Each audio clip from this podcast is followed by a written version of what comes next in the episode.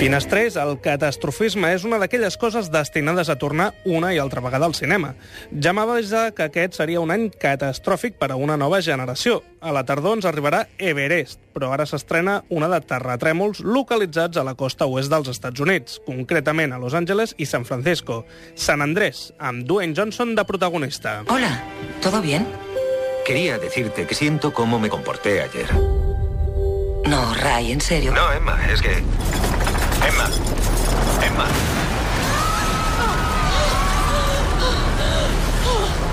¡Oh, Dios mío!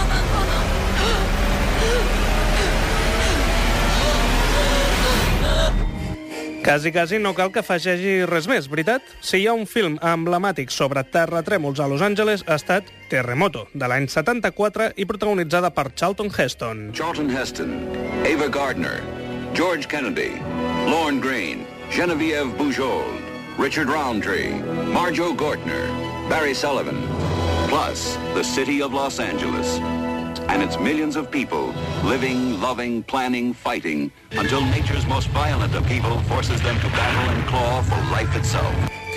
Aquests tràilers eren impagables.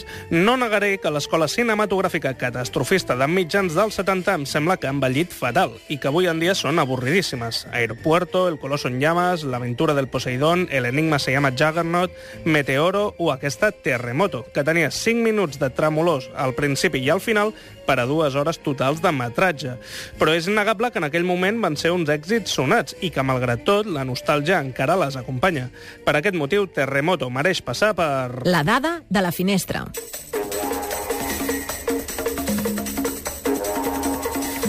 Encara que sembli mentida, tant el primer com l'últim dia de rodatge es van patir petits terratrèmols als escenaris on l'equip havia de rodar. Serà veritat o un gran pla de màrqueting? El revolucionari Sensor Round utilitzat en aquest film va arribar a provocar petites hemorràgies de sang en els nassos d'alguns espectadors. De fet, l'antic cinema Bosque de la Rambla del Prat, els veïns es queixaven per la contundència del so cada vegada que es projectava la pel·lícula. El Sensor Round va ser utilitzat només tres vegades més als films Muntanya Russa, La batalla de Midway i Battlestar Galàctica, versió del 78. Quan encara no existia l'estèreo, la NBC va projectar el film per la televisió amb la pista de so sent emesa per la ràdio simultàniament, de manera que els espectadors poguessin tenir una experiència sense round casolana. John Williams va composar l'aventura del Poseidón, El Coloso en llames i aquesta Terremoto, de forma pràcticament consecutiva. Es va guanyar el sobrenom de rei de la música del desastre. Paul Newman i Steve McQueen van haver de renunciar a aparèixer al film perquè ja s'havien compromès amb El Coloso en llames, que per cert va acabar sent el film més exitós de l'any guanyant la batalla del catastrofisme. En el seu moment, aquest film va batre el rècord d'especialistes d'acció en un sol set de rodatge, amb un total de 141. Algunes escenes d'extras espantats i corrents van ser robades de Cortina rasgada de Hitchcock. Lorne Green, l'actor de Bonanza, interpretava el pare d'Ava Gardner, quan en realitat era només 7 anys més gran. Ava Gardner va sorprendre a tothom demanant fer ella mateixa les escenes d'acció.